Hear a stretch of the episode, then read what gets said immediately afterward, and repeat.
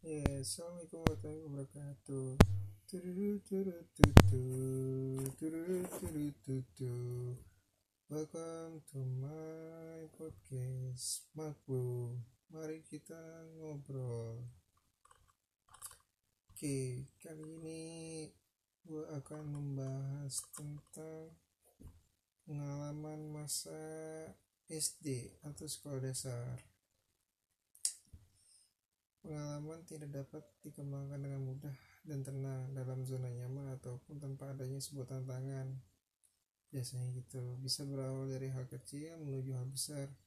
Pengalaman ujian dan tantangan jiwa dapat diperkuat ambisi, inspirasi, dan keberhasilan yang dicapai seiring berjalannya oleh waktu. Terus berkarya untuk kemanfaatan bersama menuju cita yang mulia asing. Oke. Kita mulai kali ya. Langsung aja pengalaman pertama masuk SD. Sampai gua itu masuk SD itu umur sekitar usia 6 menjelang 7 tahun yang mana mengharuskan diri gua masuk pada pendidikan sekolah dasar karena SD adalah awal pendidikan dasar untuk belajar ilmu pengetahuan ilmu pengetahuan umum yang mana itu merupakan anjuran bahwa kewajiban dari pemerintah Republik Indonesia. Di sinilah setelah menempuh pendidikan taman kanak anak diri gue kembali beradaptasi dengan lingkungan pendidikan yang baru. Ya ini merupakan hal utama ketika gue akan mengenal dunia sekolah dasar yang membuat diri gue penasaran dan timbulnya pertanyaan bagaimana keadaan dalam lingkungan dasar nantinya.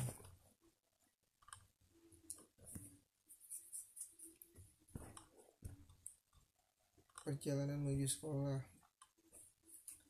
Gue waktu itu kalau berangkat sekolah tuh kadang suka dianterin kadang juga suka naik kendaraan kendaraan umum tapi nggak tahu juga ya itu baju kendaraan umum atau bukan ya soalnya gue waktu itu suka suka diantarin pakai naik baju juga sih. Maksudnya eh, kalau berangkat sekolah suka naik baju juga. Karena nggak terlalu jauh kan. Tapi itu nggak tahu kendaraan umum atau bukan ya. Kalau menurut gue sih kendaraan umum. Nah kalau diantarin kadang gue suka diantarin naik Vespa oleh bokap yang di mana gue merasa senang aja sih kalau diantarin naik Vespa rasanya beda feelnya daripada motor-motor sekarang. Nah itu perjalanan itu sekitar ada satu kilo satu setengah kilo dari rumah ke sekolah. Nah terus uh, ketika di sekolah pasti ada pengalaman-pengalaman dulu yang bikin deg-degan sampai nangis. Pengalaman SD memang banyak macamnya. Dari mulai pengalaman sedih bahagia hingga deg-degan. Dulu pengalaman yang bikin deg-degan ini terasa mengerikan namun jika diingat-ingat sekarang pasti sangat menggelikan ya. Yang pertama lupa mengerjakan PR wah ini sering banget ini. Gua kadang lupa ngerjain PR tuh gua biasanya kalau bangun tidur langsung ngerjain PR jadi ngerjainnya tuh di rumah dulu. Pas di sekolah ya udah tinggal nyantai aja. Jadi gue bangun pagi-pagi gue bangun pagi-pagi terus mandi langsung ngerjain PR buat buat hari itu. Aduh. Jangan ditiru ya guys nah ini PR adalah tugas nah ini terangannya begini PR adalah tugas wajib yang harus diselesaikan setiap mahasiswa setiap siswa di rumah. Namun terkadang ada beberapa alasan membuat kita lupa mengerjakannya. Misalkan lupa melihat buku buku tugas atau keasikan nonton TV semalam. Nah gue biasanya ini nih kasihkan nonton TV semalam. Kalau sudah begini besok pagi pasti perut mul mulas karena takut dipukuli guru. Iya bener banget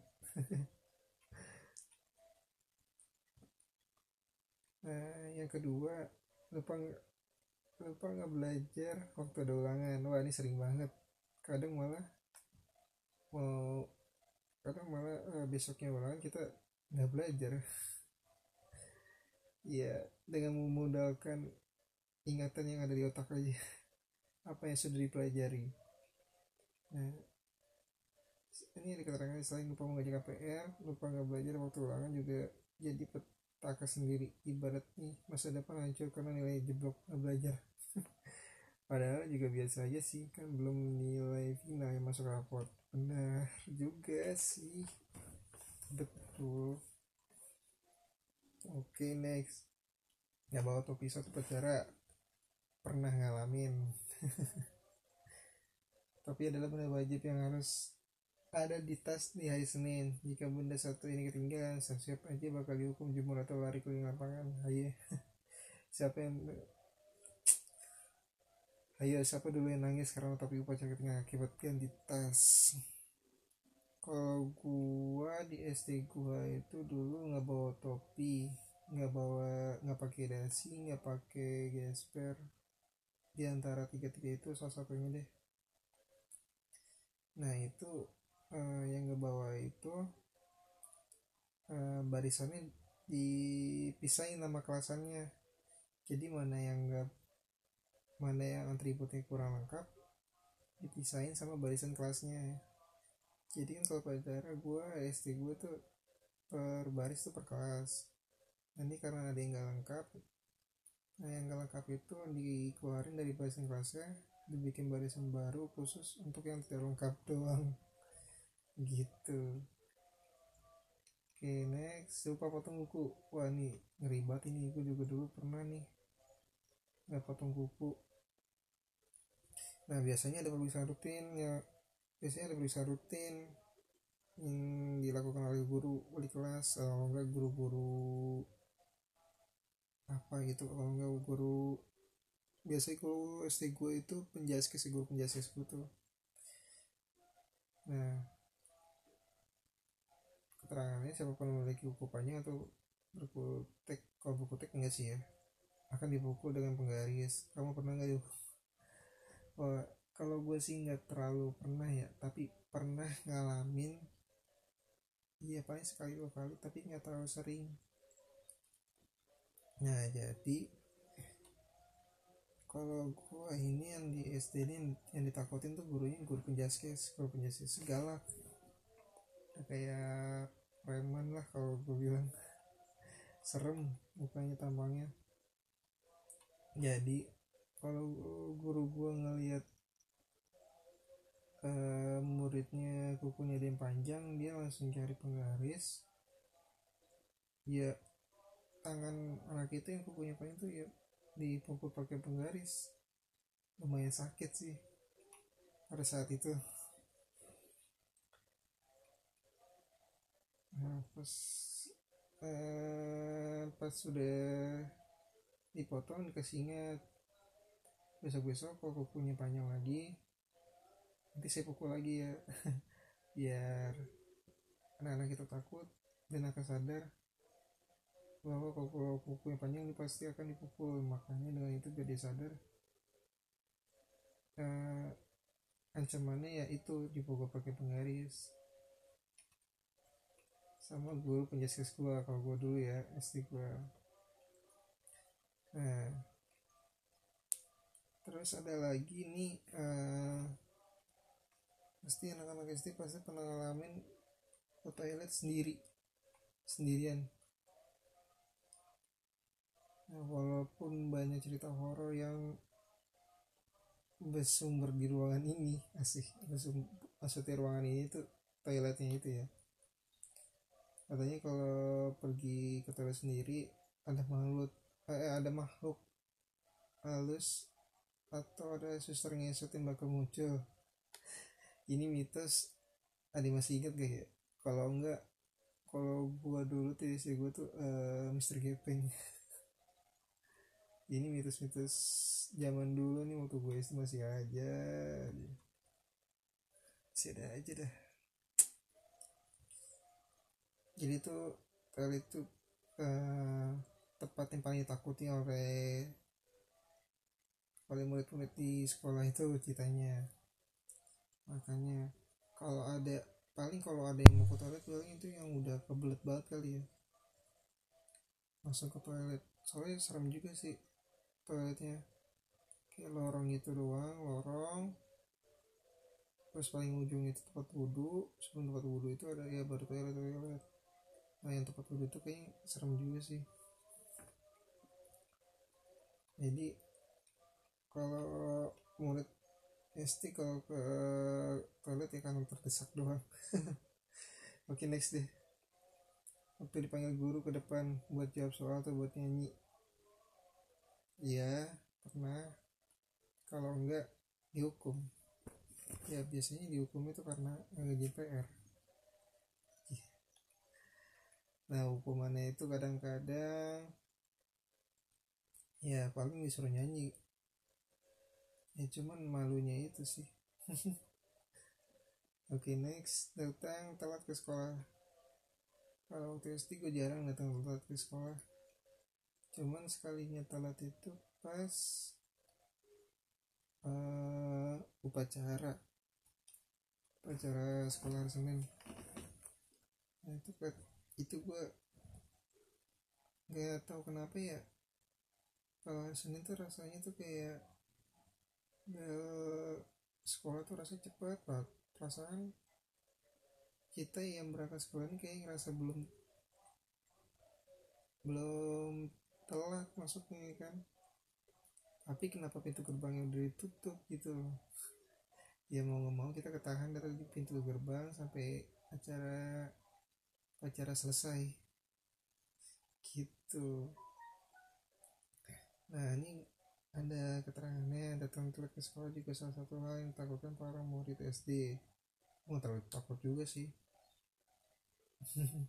Pasalnya bakal ada hukuman tersendiri yang bakal diberikan oleh para guru. Dari mulai lari memutar lapangan menyiram tanaman hingga memimpin senam SKJ di depan teman-teman. Apa hukuman yang masih kamu ingat sampai sekarang yang gue ingat itu paling yang suruh lari muterin lapangan doang sih.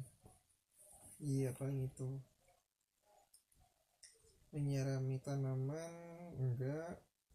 Memimpin SKJ memimpin SKJ gue pernah. Cuman bukan karena hukuman karena gue pengen aja sendiri. Terus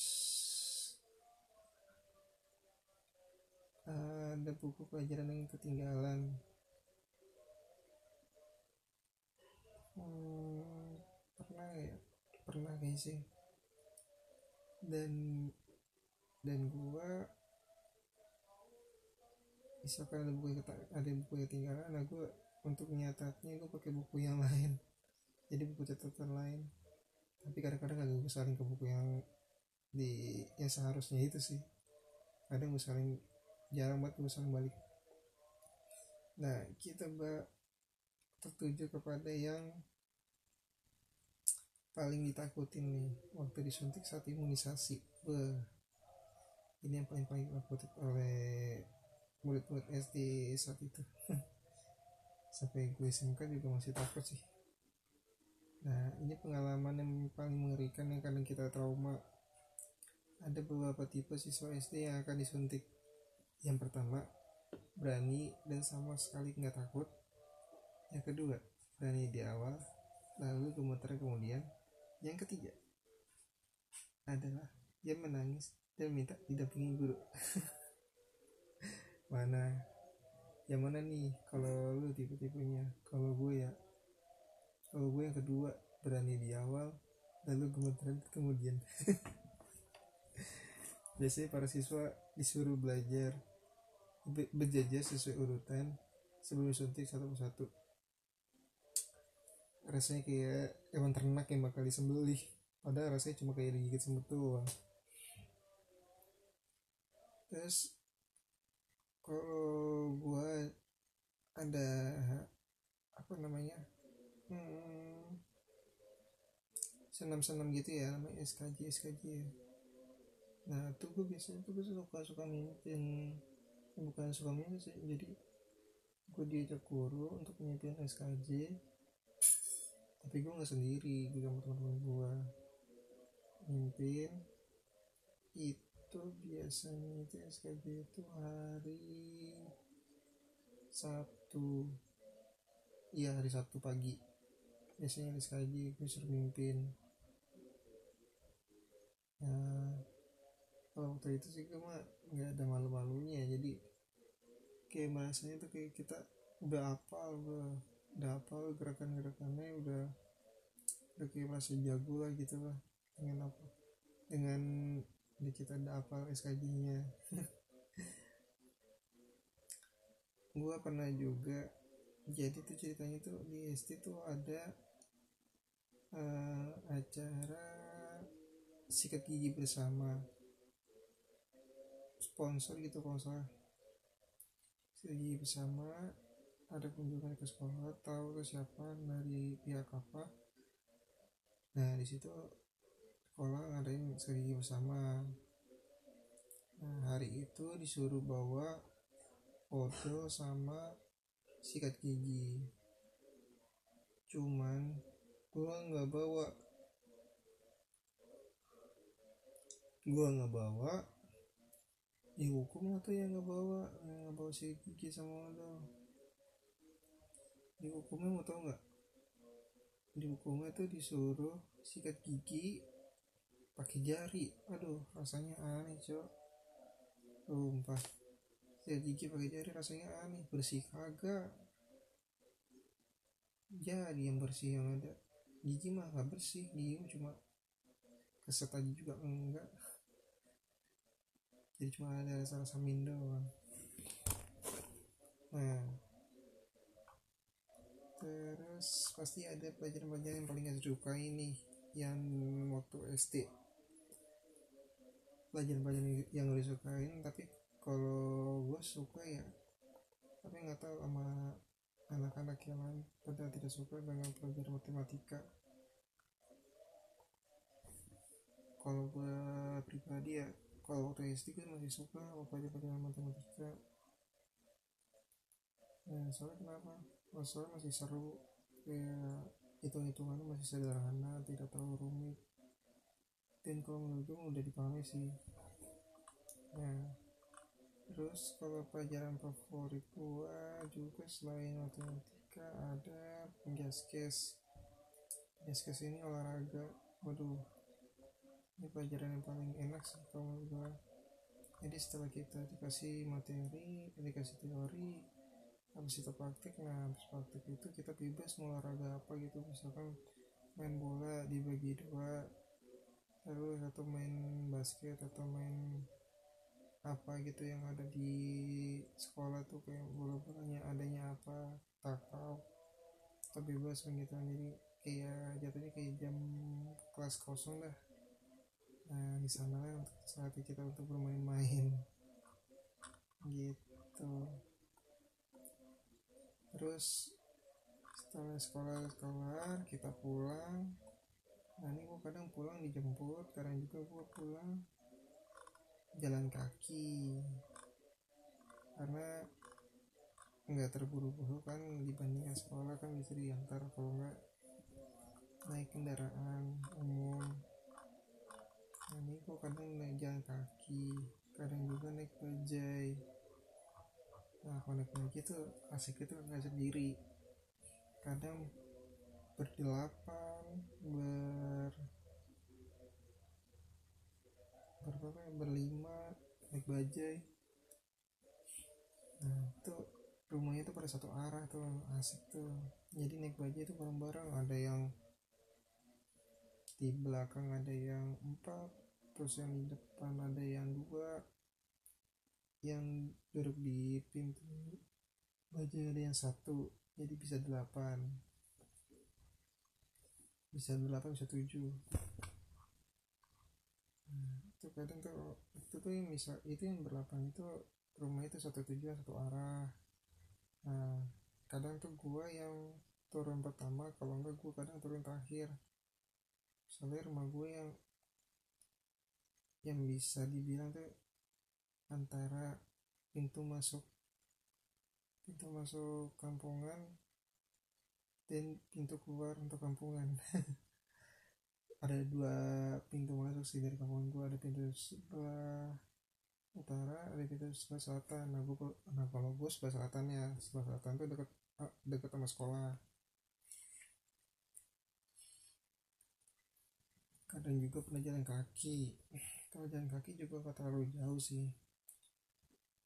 Nah kadang-kadang juga kalau misalkan capek ya naiknya naik bike gitu.